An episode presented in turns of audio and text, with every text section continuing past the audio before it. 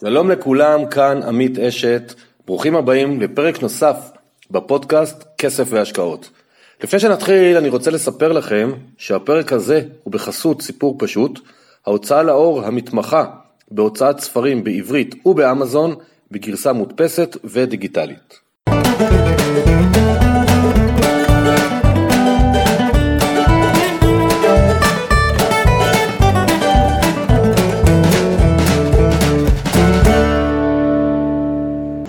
שלום לכולם, היום איתנו בפרק נוסף של הפודקאסט כסף והשקעות מתן בריסקר, מתן הוא מורה לחינוך גופני ומורה לחינוך פיננסי, תחום שמתחיל להיכנס לבתי הספר, לפחות בהגדרה. אה, הוא בעל קבוצת פייסבוק שנקראת אה, הכסף של המורים, תכנון פיננסי. אז שלום מתן, תודה שבאת. שלום עמית, תודה שהזמנת אותי, כבוד הוא לי.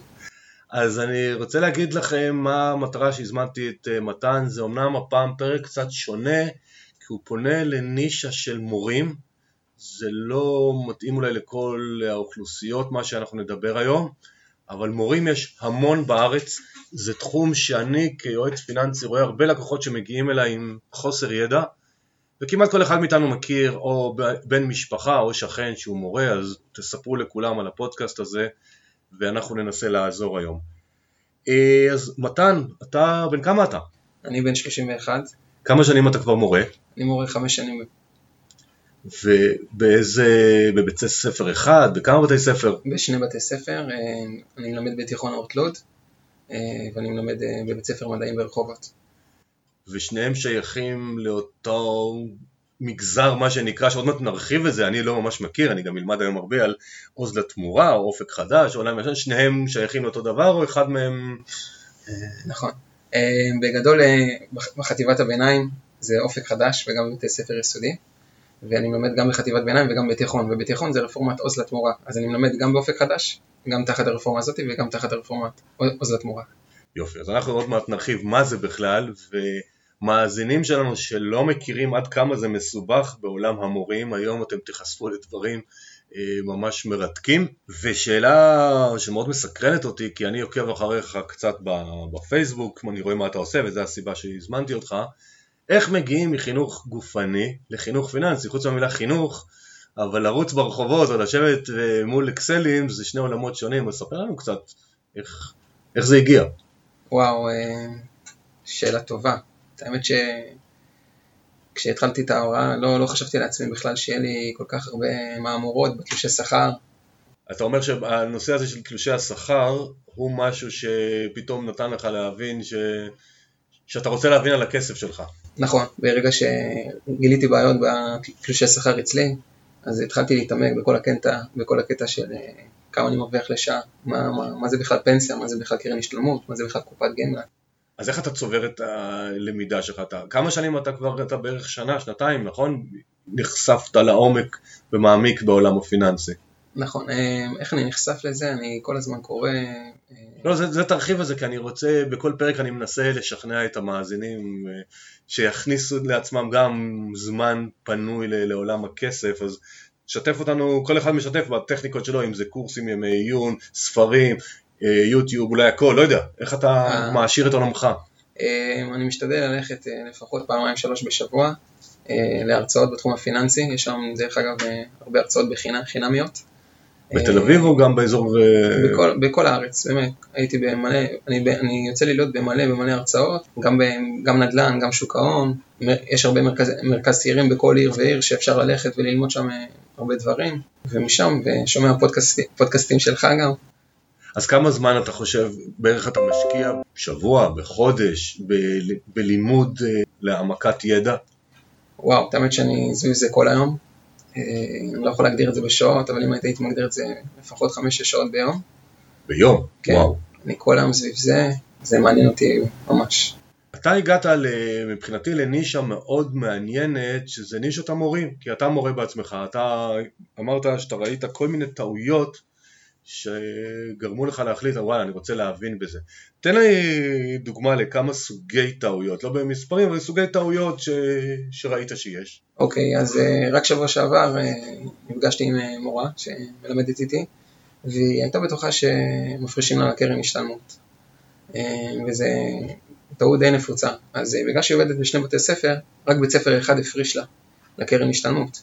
והיא לא, והבית ספר השני הרי לא הפריש לה, כי זה בעלות. וזה הרבה כסף שהיא מפסידה. עוד דוגמה לכך, אה, משרת אם, משרת אם, מי שעובדת 79% משרה מגיע למשרת אם, אבל אם היא עובדת 50% בבית ספר אחד ו-40% בבית ספר אחר, אז משהו ייפול כאן, אז היא צריכה גם לוודא שהיא תקבל את זה.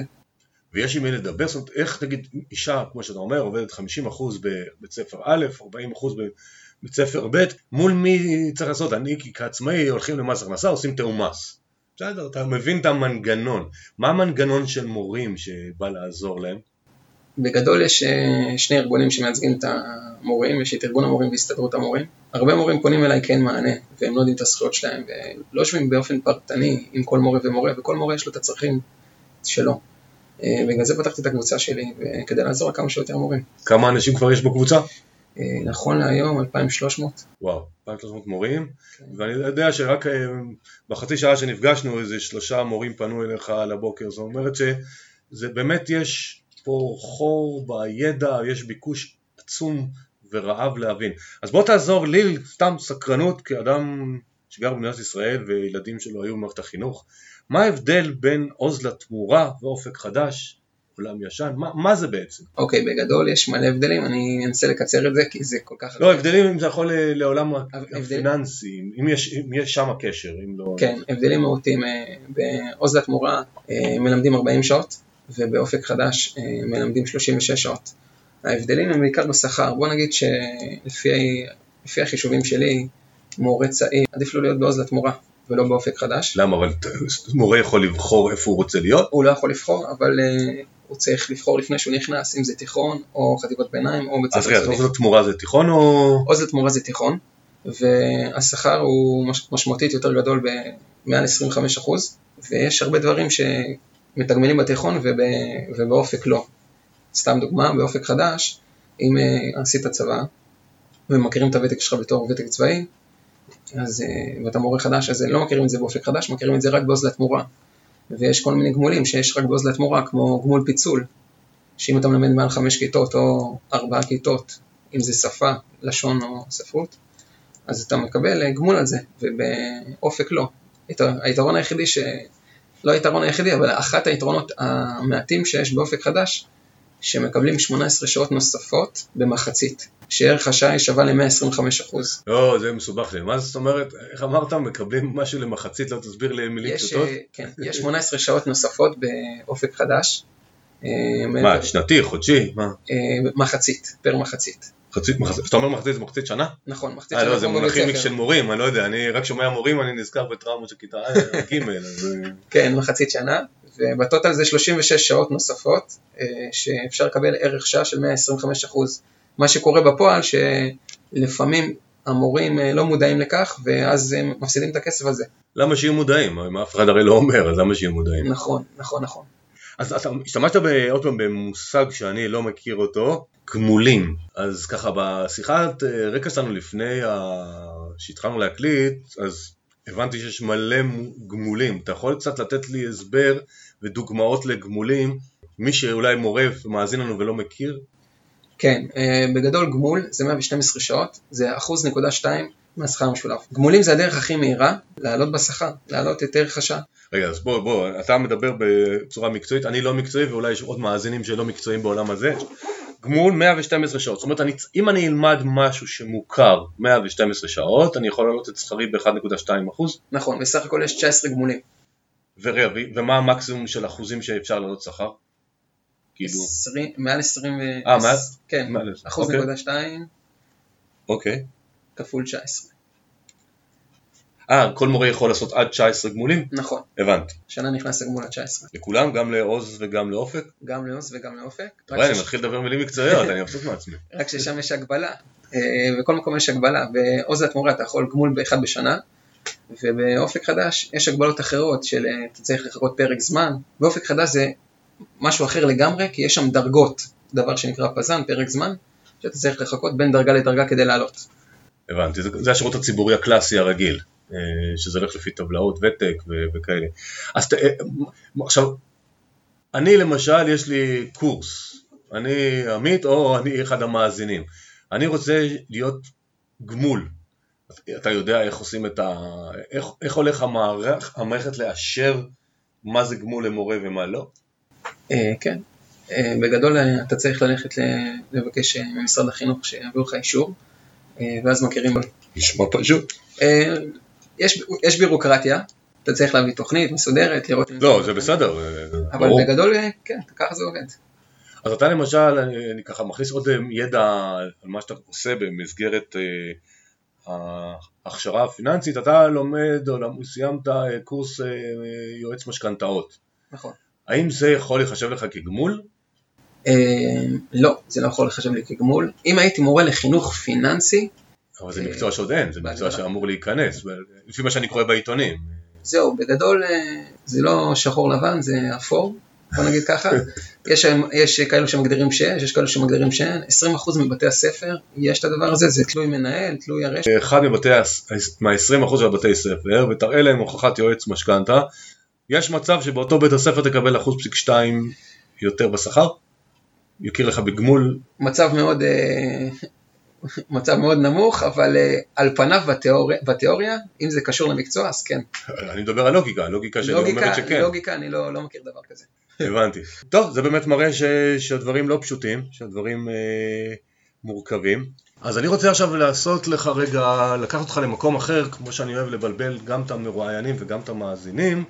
אתה למדת ייעוץ משכנתאות. מה, איך הגיע פתאום מורה לחינוך גופני וייעוץ משכנתאות? מה הקשר? נכון, אה, זה די במקרה. התחלנו לדבר בחדר מורים, אני ועוד מורה, ש... על דברים פיננסיים, ואז אמרנו בוא נירשם לייעוץ משכנתאות. אה, אבל הכל התחיל לפני, ש... לפני שנה, הלכתי לסדנה של איתן קראוס, אה, משכנתה בכיכר, וזה ממש פתח לי את החוט מחשבה. רציתי לקנות בית, התחתנתי לפני שנה עם אשתי ואמרתי, טוב, אנחנו צריכים לקנות בית, בוא, בוא, בוא נתחיל להבין ב... מה הולך בבנקים, מה הולך שם. וזה בעצם מה שמשך אותי, ואז אמרתי, טוב, אני הולך ללמוד את זה בעצמי. ואז אה, נסחפתי לתחום הפיננסי. ולא קנית בית. לא קניתי בית, אני מזכיר. אז, אה, לא, אתה סוחר. סוחר, סוחר יחידת דיור, סליחה. אז אנחנו הרי בפודקאסט גם של כסף והשקעות ולא רק מורים, בוא נמשיך ככה, נגלוש. אז מה היה השיקול בסוף לא לקנות אלא להישאר בשכירות? הבנתי שאין לי מספיק הון עצמי ואני אהיה משועבד לבנק, שהמשכנתה תהיה, שההחזר החודשי יהיה גבוה מאוד. ואמרתי שאני לא רוצה לגבור את הכסף, את הכסף. אמרתי, אני מעדיף אה, לעשות דברים אחרים כדי למקם את עצמי.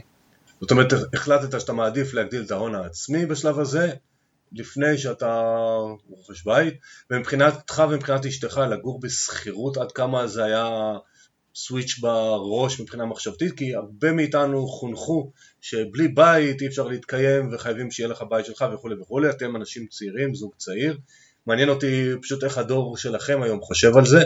נכון, אז uh, לקח זמן עד שהחלטתי להיפגש עם מתכנן פיננסי, עם שי, ו... והבנתי לאט לאט שבאמת שכאילו שאם אני אקנה בית זה פשוט uh, כל התוכניות שתכננתי הן בדיוק יצאו הפוכות. זה לקח זמן אבל גם אני וגם אשתי בזה, ממש כאילו מבסוטים. וההורים קיבלו את זה בש... בשלוות נפש שניכם, כאילו של שני הצדדים, שאתם בעצם מחליטים עכשיו לזכור ולהגדיל את ההון שלכם ופחות... אמא עדיין בדעה לקנות בית, אבא אומר תעשה מה שאתה חושב. זהו בגדול. זהו, כי זה באמת uh, מהדור שלי ואני בערב, ובאמת אתם משתנים. אז בוא נחזור רגע לעולם המורים וכסף. אתה יכול לתת לי, לפני שאנחנו עוד מעט נגיע לטיפים ואני יודע שיש לך מלא, אבל לפני זה, אתה יכול לתת לנו עוד כמה דוגמאות על טעויות שאתה נתקל בהם, או על עצמך שנתקלת, או אנשים שפונים אליך בימים האחרונים, כאילו, איזה סוג טעויות? כי אני רוצה שזה ייתן השראה לאנשים לבדוק את תלוש השכר שלהם, ומאזינים יקרים, גם מעבידים שהם לא משרד החינוך טועים, וחשוב מאוד ללמוד להכיר ולקרוא את תלוש השכר. אז מתן היום יעזור לנו קצת לראות uh, טעויות שהוא ראה אצל מורים, אבל גם אצל אחרים אני רואה לא מעט טעויות. אוקיי, okay, אז uh, בגדול, כשאני uh, מתחיל לקרוא תלוש שכר, אני קודם כל מסתכל uh, מה, מה הדירוג שלי. אוקיי, okay, אם זה באופק חדש זה דרגות, ואם זה בעוז לתמורה, אם יש לי תואר ראשון, אם אני מורה מוסמך, אם יש לי תואר שני. זה הדבר הראשון שאני מסתכל כשאני מסתכל על תלוש שכר. אחרי זה אני מסתכל על הוותק, אם הוא באמת מעודכן, ועל הגמולים. הגמולים זה, זה נורא נורא פשוט. לפני, לפני שבועיים, ואני מסתכל על תלוש שכר שלה ואני רואה שיש רק ארבע. איך אתה רואה רק 4? כי ראית 4.8% תוספת ולא 7.2?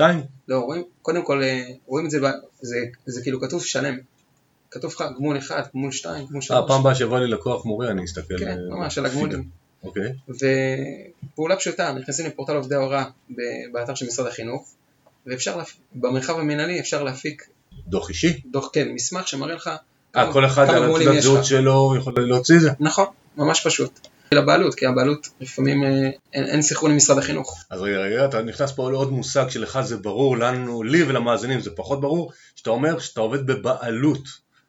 תסביר מה אתה מתכוון, מה זה בעלות? בעלות זה בתיכונים, אה, יש, יש לנו הרבה בעלויות, אה, בבתי ספר תיכוניים יש בעלויות כמו דרכה, ברנקו וייס, רשת אורט, רשת עמית וכולי וכולי, וגם עיריות, עיריית תל אביב, עיריית רמת גן.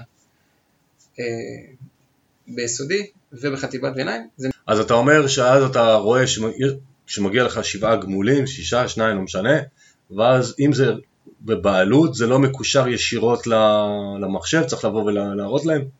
נכון, צריך להוציא את הטופס ולהביא למשאבי אנוש את הטופס כמה גמולים יש ולראות שזה באמת מסוכן, כי אם עשיתי שישה גמולים ורק ב, ובתלוש מוכרים לי רק ארבעה, אז חסר פה, חסר פה את חסר המסמך. כסף. בדיוק. עכשיו עוד דבר שגם כתבת על זה לפני עם פוסט ואני ראיתי את זה להרבה מורים, יש קופת אה, גמל וקרן שלמות, גל ושחף וכל מיני שמות יפים כאלה, גל ורשת, כן. גל אבל- רשת, נכון, לא שחף, רשת.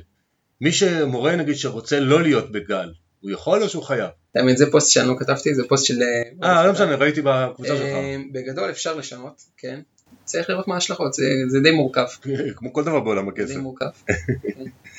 עכשיו תן לנו כמה נקודות, כי גם אתה עובד הרי ב- בשני בתי ספר בהיקפי משרה שונים, בתוכניות שונות, איזה סוגיות נתקל מורה כזה? אני יכול לחשוב בשכל הישר שלי, שאם אמרת שיש הבדל בין עוז לתמורה ואופק חדש, ואני עובד חצי כמה שעות בעוז וכמה באופק, מי מחליט איזה זכויות אני מקבל? אני רוצה לקבל את היותר. נכון, אז זה, זה ממש תכנון פיננסי. באמת צריך להבין כמה, כמה שעות שווה לך לעבוד ברפורמת אופ- אופק חדש וכמה שעות שווה לך לעבוד בעוז לתמורה. יכול להיות שאם תעבוד פחות משמונה שעות פרונטליות שזה שליש משרה, אז לא יהיה לך את הזכויות, אז בכלל יכניסו אותך לעולם ישן, שזה עוד רפורמה. זה, זה, זה די מסובך וחייבים להכיר את הניואנסים הקטנים. אבל איך מכירים? אני שואל את עצמו עכשיו מורה שמקשיב לנו, הוא אומר וואלה אתה צודק מתן, זה חשוב להכיר, אבל איך מכירים? האם מדור שכר או משאבי אנוש בכל בית הספר אה, מכירים, או אה, באיגוד המורים יש מישהו ש... או הסתדרות המורים, אני לא, אני לא מבין בדיוק את ההבדלים, יש מישהו שעוזר, כאילו איך? אני שואל את עצמו המורה שמקשיב, בגדול כן, בקטן לא. אה, אמורים לעזור, יש כאלו שעוזרים להם ויש כאלו שלא, בגלל זה פתחתי את הקבוצה, כדי לתת מענה לכמה שיותר מורים. אה, אני, איך שאני למדתי, אני דיברתי עם מורים ותיקים ממני, ובאמת חקרתי את כל הרפורמות, קראתי את ההסכמים הקיבוציים, וידע שווה, שווה כסף, ידע שווה כוח והוא שווה הרבה מאוד כסף. לגבי אה, שנת שבתון, מאז שאני ילד, היה לי אנשים ש... ואני כבר מזמן לא ילד, היו לי אנשים שההורים שלהם היו מורים וכאלה, שהיו יוצאים לשנת שבתון, תמיד קינאתי בהם, אה, זה, אבל אתה יכול להסביר לי מה זה המושג הזה שנת שבתון? בגדול שנת שבתון זה בשנה השביעית, אחרי שהמורה חסך אה, שש שנות בקרן השתלמות, אז בשנת שבתון המורה יוצא להשתלם, ללמוד. הקרן שחסכת בכל השנים האלה, היא בעצם הולכת ללימודים שלך, וגם אתה מקבל משכורת מאותה קרן. שנת שבתון זה בשנה השביעית. אבל אני זוכר שתמיד היו כאלה שאומרים, אבל אני לא רוצה לצאת. כדאי לא לצאת, כדאי לצאת, אפשר לצבור את זה. יפה. טוב, אז זה משתנה. אה, יש שתי סוגיות.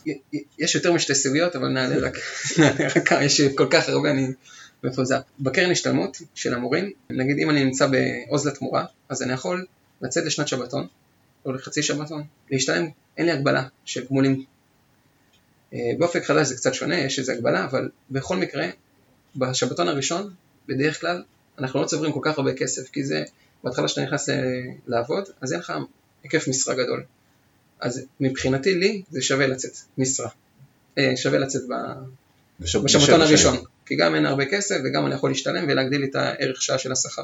אה, יש מורים שאומרים, אה, טוב אני לא צריך שבתון, ואז הם עושים את החישוב שהם אה, יוצאים מהקרנות, אה, מהקרנות של, ה... של המורים, אבל אז בעצם הם מפסידים 11% מה... מהמעביד, כי בקרן השתלמות יש לנו כמה סוגיות. קרן השתלמות רגילה בשוק, זה המעביד מפריש 7.5% והעובד 2.5%. אצלנו, אצל המורים, מפרישים יותר. מפרישים 8.4, 2.8.4. 2.6. כן, 2.6 אם אני לא טועה. אוקיי, אבל- סליחה, 8.4, זה, זה, זה בעצם כאילו היתרון שמפרישים לנו טיפה יותר. אבל יש, יש גם הרבה חסרונות בקרן השתלמות. שיש רק שלושה מסלולים, ומסלולים נורא סולידיים, שהמסלול הכי מסוכן זה 33% מניות. הבנתי, אבל רגע, אבל אה, איך, לא הבנתי איך זה מתקשר לשנת שבתון, כי שנת שבתון, אני מבחינתי, מותר, לא, בשנה הזאת גם לעבוד הרי במקום אחר, נכון? במקום שהוא לא חינוך. מקום שלא חולם, נכון. בסדר. אבל אז על פניו אתה יכול אה, להכפיל הכנסה באותה שנה, לא?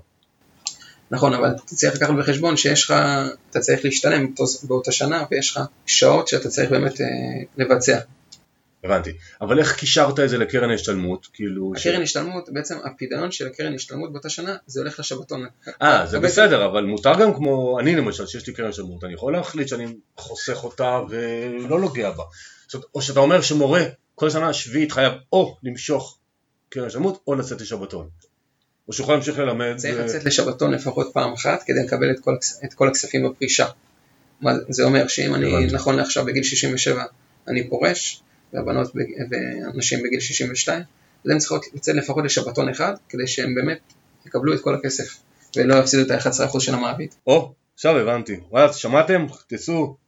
א', תנוחו, זה תמיד טוב. דבר שני, יש פה הרבה כסף, 11% זה כבר הרבה מאוד כסף. מה דעתך האישית לגבי חינוך פיננסי בבתי הספר? אמרת, ציינת ש-20% מבתי הספר אה, מכניסים את זה. אני קראתי עוד פעם בעיתון, אני לא מכיר את זה מבפנים, שמתישהו נתנו לבנק הפועלים להעביר את הדברים האלה, שאותי אישית זה הטריד, כי בנק יכול להגיד שהוא אובייקטיבי, אבל עדיין הוא לא יהיה אובייקטיבי, כי הוא גוף עסקי ובצדק מבחינתו. איך, מה קורה מבפנים, איך זה עובד, אה, מה מלמדים, איזה גילאים מלמדים, מה אתה מרגיש שמתחילים להיות מה שאתה נחשפת? בגדול, כשמכניסים בנקים לבית ספר, אז יש להם אינטרס. וזה מאוד, הגיוני. מאוד- זה כאילו, זה לא חינוך פיננסי, אלא זה בוא, בוא, בוא, בוא תעשה משהו בבנק. ובגלל זה צריך להביא, להכשיר מורים שבאמת שאין להם אינטרס, שזה אינטרס לא מותנה, והילדים באמת ילמדו את הדברים החשובים. עכשיו, אני מלמד, אני מלמד את זה בתיכון, ובתיכון בכיתות היותר גבוהות, אז באמת אתה רואה את התלמידים אומרים, וואי, כל המקצועות האלו לא חשובים, למה לא מלמדים אותנו חינוך פיננסי? באמת, הם רעבים. אז בבתי ספר שאתה מלמד כבר אתה מלמד חינוך פיננסי? כבר כן. המורים, כאילו בית הספר מאשר את זה, נותן איזה... בגדול קוראים? לזה, אה, בגדול קוראים לזה אצלי בבית ספר העשרה, אבל אני מלמד, אני, זה חשוב, כמו שאנחנו יודעים. כולם בסוף התבגרו. עכשיו, הייתי מאוד שמח אם היית יכול, ואני יודע שהכנת כמה דוגמאות אה, לקראת השיחה שלנו, אה, אני בדרך כלל הרי אוהב לסיים פודקאסטים בטיפים, שניים שלושה, אבל אצלך זה קצת שונה. כמה טיפים על טעויות או על רעיונות או על דברים שאתה חושב שמורים צריכים לשים לב אליהם? אוקיי, אז אה, יש מורות שבהיריון, אה, ישנה בעיה שהרבה מורות לא ערות לזה, שאם אם המורה לא עבדה ברצף שישה חודשים, והיא הייתה בחופשת לידה, אז אה, לא יחשב לה אותה שנה כשנת ותק, ואז היא תפסיד כסף. לפני הלידה צריך לקחת כמה שיותר תפקידים כדי להגדיל את אחוזי המשרה. יותר שעות שווה יותר כסף. אז אם מציעים לך חינוך, או שמציעים לך כל דבר אחר, תקחי. חשוב ליצור קשר עם קרן הפנסיה על מנת לשמור על זכויות בריאות, בריאותיות, ריסק בשפה שלנו, ולהודיע שבחופשה לידה לפעמים המשאבי אנוש לא מודיעים, מודיעים כאילו המורה לא עובדת והמורה עובדת. טיפ ממש חשוב שמורות בדרך כלל בשבוע 38 קשה להם שבאמת, כי אז זה משחרר להם שעות, אז אסור אה, להיכנע ללחץ ואין שום בעיה לקחת את זה כימי מחלה ולדחות את זה עוד טיפה. אז החופשת לידה זה זמן טוב לעשות השתלמויות, בעיקר אה, סינכרוניות דרך המחשב, אה, יש גמולים דרך אה, כן. מחשב? חד וחלק, כן. וואי, איזה יופי, איזה, אתה, אתה יודע להגיד לי ככה סתם מהזיכרון דוגמאות? בטח, אה, בכל, בפיננסי הוא היה סינכרוני. מה זה סינכרוני? סינכרוני אתה לא צריך, דרך המחשב. יש לך כל מיני משימות. לא, אני צריך- מעביר קורסים דיגיטליים ועושה ייעוצים במחשב, אבל לא ידעתי שגם גמולים אפשר, איזה יופי, נכון. כן. לא הכל אפשר, חלק. לא, חלק, בסדר, כמו שאתה אומר, מישהו בחופשת לידה נכון, ולהגדיל את ההכנסה דרך זה, נכון. נהדר. אם אני לא טועה, בגמול אחד אפשר לעשות 60 סינכרוני ו-60 לא סינכרוני. טוב, זה כבר ניואנסים כן, שמי שירצה. יצטרך ללמוד ולהבין, אבל אה, מבחינתי זה יופי לדעת שיש דבר כזה. רק אני אסיים שאצל המורות אה. בהיריון, כשהן חוזרות לשגרה, לבדוק בפורטל שהכל תקין, גם ההשתלמות, גם הוותק, לשמור את, ה... את האישור של ה... שיצאתם באמת לשנת שבתון, לשחק עם, ה... עם הנקודות מס, לראות אה, אחד וחצי נקודות מס, אה, תוספת של ילד, ולבדוק תוספת מעונות, שזה גם הרבה מאוד כסף. טיפים, דמי ניהול, דמי ניהול זה אחד הטיפים שכל אחד יכול אה, באמת לעשות את זה בעצמו. קודם כל, קודם כל אה, המורים, חברי ארגון או הסתדרות, יש להם הסכמים עם, עם מנור המבטחים ועם הראל, ולראות שהדמי ניהול שבאמת מגיע להם הם מקבלים. לבדוק לגבי גמולים, לבדוק אם באמת כל גמול, ויש את זה באתר, בפורטל של, של עובדי ההוראה, לראות אם באמת כל גמול שאתה, ש, שאתה מבצע, אתה באמת מקבל את הכסף עליו. אה, כל הזמן להיות על המשכורת, כל הזמן להסתכל על ערך שעה, על התוספת השקלית, הרבה מורים לא יודעים מה זה תוספת שקלית. אז תסביר לנו, אני גם יודע. זה הסכם, ש... זה הסכם שהמדינה עשתה עם, אה, עם אותו גוף, אם זה ארגון או הסתדרות, וזה משהו שאמור להתעדכן. זה כסף שפשוט אמור לקבל כל אה, פעימה, נגיד כל שלושה חודשים וכולי, והכל מפורסם במשרד החינוך. איזה, אם, אם נסתכל ככה על השאלות ששואלים בקבוצת פייסבוק אה, שאתה מנהל, או שפונים אליך אישית, איזה נושאים אתה מרגיש שהם הכי חוזרים על עצמם? הנושא שהכי חוזר על עצמו, הרפורמות, כאילו ממש כל פרט ופרט, לא משהו ספציפי, הרבה פעמים שואלים אותי גם אה, על תואר שני. משרד החינוך הרי מסבסד אה, תואר שני בשנה, אה, אם יש לך, אם, אם אתה שלוש שנים קבוע, או אם אתה ארבע שנים במערכת, הוא משלם שכר אוניברסיטאי. כמה זמן אני מחויב לעבוד אחרי זה? אין, אין, אין, אין התחייבות. אז למה שיסבסדו? כי בדרך כלל מי שעושה תואר שני, זה, אפשר להגיד שזה מקפיץ את השכר. ואז... לא, אבל למה שהמדינה תסבסד אז אם, אם משרד החינוך, משרד החינוך, המטרה שלו שהמורים יהיו יותר משכילים. הוא יעדיף מורה ש... למד יותר מאשר מורה שלמד פחות. אז בגלל זה מסבסדים. לא, למה הם מסבסדים כן, אבל אם לא דורשים כמו בצבא אה, לחתום, אז אני יכול ללמוד על חשבון משרד החינוך ושעה אחרי התואר לעזוב, אז כאילו, אני כמשלם המיסים... כי בדרך כלל אה, הם מסבסדים תארים שקשורים לחינוך, למרות שהם מוצאתי מקרים של, שלא קשורים לזה. אבל בדרך כלל זה אמור להיות קשור לחינוך באופן ספציפי. עכשיו שואל את עצמו, אולי, מורה שמקשיב לנו נמצא לא בתל אביב, לא במרכז, ביישובי פריפריה כמו שאני גר, צפונה יותר, דרומה יותר. האם יש איזשהו מרכז, שאלתי את זה מקודם אבל אני לא, לא, לא מבין עוד ישר, עם מי אפשר להיעזר? כי אני רואה הרבה מורים שאני באים אליי עוד פעם ואני שולח אותם לעשות שיעורי בית כי בתלוש משהו לא נראה לי, זה, לא ממש יודעים את מי לשאול, אז, אז מה, ואתה גוף פרטי, זאת אומרת אתה גם לא עושה את זה כרגע בשביל כסף, אז אני לא, לא מדבר על זה, אני מדבר, המערכת, איפה יש מקורות מידע שאפשר ללמוד? בגדול אה, פה זה נקודת התורפה של אה, בכלל של המערכת. יש שתי ארגונים שמייצגים שצריך לשאול אותם כי באמת אה, משלמים להם כסף על זה, דמי חבר, 720 שקל בשנה. ויש את משרד החינוך, פורטל עובדי ההוראה, שם כל שאלה, אני תמיד כשאני רוצה לחקור, אני שואל גם בפורטל, ואני שואל, ומעבירים אותי מאחד לשני ואני מנצח את הבירוקרטיה, ומתקשר, אם זה עוז לתמורה אז יש להם מוקד, אם זה אופק חדש אז יש להם, יש את המנהלה של ההסתדרות, שואל כל אחד. הרשת, ואני חוזר, ברשת יש הרבה מידע, אם זה בפייסבוק ואם זה במשרד החינוך, ושם אני נעזר. אני רוצה רגע לחזור עכשיו אליך כבחור צעיר, כמו שאני אוהב לראיין, ולתת השראה לאנשים כבר קצת לצאת מעולם ההוראה בלבד. אז אתה החלטת להשאיר את עולמך הפיננסי, כי דרך אגב אתה גם עושה שירות דרך הקבוצה ואתה מלמד, אבל ברמה המשפחתית, האם אתה רואה את עצמך עוזר לאנשים למשל בייעוץ משכנתאות, אתה הולך להשאיר אחרי זה את עולמך ב- בלימוד אחר בש- בשווקי הכספים, איך אתה רואה את עצמך? ברור, זאת המטרה העיקרית. אה, כשהבנתי שמההוראה אני צריך עוד משהו חוץ מההוראה, הלכתי לתחום של הייעוץ משכנתאות, בגדול בגלל שאני מלווה אה, עם מתכנן פיננסי, זה מה שאני רוצה לעשות, וכבר אני מתחיל לעשות את זה. אז, אז השאיפה שלך זה להגדיל, עכשיו, אני, אני יודע, זאת אומרת, אל תיכנס למספרים ולא לשמות של חברות בבקשה, אבל אני כן רוצה שתיתן השראה למאזינים, איזה סוגי השקעות בחרת לבחון יותר לעומק וחלקם לעשות בשנים האחרונות? אוקיי, okay. כשבאתי למתכנן הפיננסי שלי, באתי אליו עם תיק, ואז הוא אמר לי, אה, התיק הזה, אפילו לאימא שלי לא הייתי עושה אותו. והבנתי שאני סולידי, כי היה חסר לי, חוסר לידע פיננסי.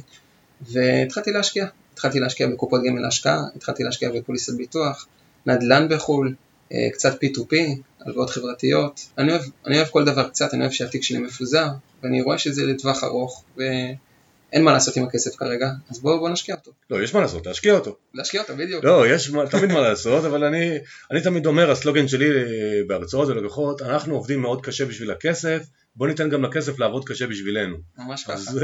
כסף זה זה לא- כסף. כן, ובכל סכום, אני, זה גם משהו שאני תמיד חותם, כסף מייצר כסף ובכל סכום, כי כל אלה שחושבים שצריך אה, רק שיהיה לי מאות אלפים או מיליונים אני אתחיל ועד אז אין טעם, זה ממש לא נכון, אפשר ממאות שקלים בודדים בחודש, אני הבנתי ש... שמקום עבודה זה משהו שאתה יכול לחיות ממנו, אבל תמיד יהיה חסר. תמיד זה חסר, תמיד חסר לך הכנסה נוספת. אנחנו נמצאים במשרד שלי היום בהקלטה, אז אני אראה לך משהו ש... שיש לי פה. מי שרוצה להתפרנס צריך לעבוד, מי שרוצה להתעשר צריך למצוא דרך אחרת. שזה ציטוט אה, של מישהו והוא נמצא לי פה מעליי, שלידו יש שאם עושר היה תוצאה של אה, עבודה קשה, אז כל אישה באפריקה הייתה מיליונרית.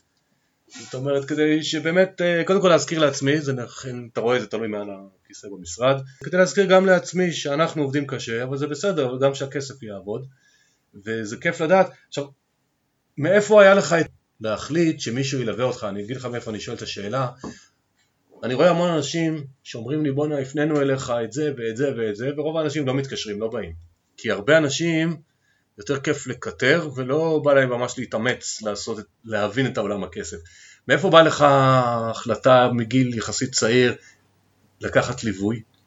אם מישהו למד פה אה, תכנון פיננסי ואיפה, ואז אה, פגשתי את שי.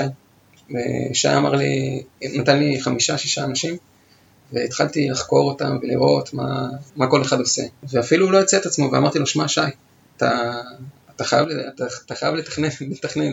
אני, חייב, אני ואשתי צריכים אותך. זאת אומרת מה שקורה, אתה אומר, אתה רצית ללמוד איזשהו תחום, דיברת עם אנשים שעוסקים בזה וזה נתן לך את ההבנה שהם יכולים לקצר לך את הדרך. זאת אומרת, אני מתרגם את זה, אה, מה שנקרא מנטור, לא משנה, יודע את זה ויודע את זה, יכול לקצר לך את הדרך ולהקפיץ אותך קדימה. נכון, מעבר למנטור, הקבוצה שפתחתי זה בגללו. זה ממש ממש בזכותו. ממש, בזכותו, בדיוק. כי זה עוזר, 2,300 איש בחרו להצטרף אליכם, אז אה, זכות, ועוד פעם, אני בזכות הקבוצה הזאת אה, החלטתי שאני רוצה לראיין אותך, שזו אומנם נישה יחסית אה, גדולה, אבל זאת נישה, כי אני חושב שכל זווית, כל אחד שעוזר ותורם בעולם הפיננסי היום זה, זה ברכה, כי יש הרבה יותר מודעות, אה, יש הרבה יותר רצון לדעת. אה, מורים, זה, אני רואה הרבה מרגישים כקהל שבוי ש, שמה שאומרים להם זה מה שיש. איך שוברים את הסטיגמה הזאת? צריך לשאול שאלות כל הזמן, לחקור, לשאול שאלות, אם זה בתלוש שכר, לשאול מה, מה זה הגמול הזה, מה זה התוספת הזאת, מה זה... כל דבר לשאול, ולא להיות אה, כשבוי. ממש... אה, לשאול אחד את השני, לשאול מורים, ותיקים, לשאול, אה, לשאול אנשים שרוצים לעזור, ויש הרבה אנשים שרוצים לעזור, צריך למצ- למצוא את האנשים הנכונים. הבנתי, ואתה אחד מהם. אז תודה. מתן, תודה רבה על הזמן שלך, תודה רבה ש... אתה ואשתך ליעדים ששמתם לעצמכם, וגם שתעזור לכמה שיותר מורים. תודה רבה. והמאזינים יקרים, אז קודם כל אנחנו מקווים שנתרמתם, ומי שמקרה אה, מורה, תספרו להם על הקבוצה של, קבוצת הפייסבוק אה, שנקראת הכסף של המורים, תכנון פיננסי, של מתן בריסקר, שיצטרפו, שישאלו שאלות, שאיתנו יקבל את כל הזכויות שמגיעות לו בעולם הכסף. ומי שאהב את הפודקאסט אני אשמח שימליץ לחברים אה, ומי שנחשף אליו פעם ראשונה אפשר לשמוע פרקים קודמים בכל האפליקציות או באתר שלי אה, www.2invest.co.il ותודה רבה, תודה רבה לכולם.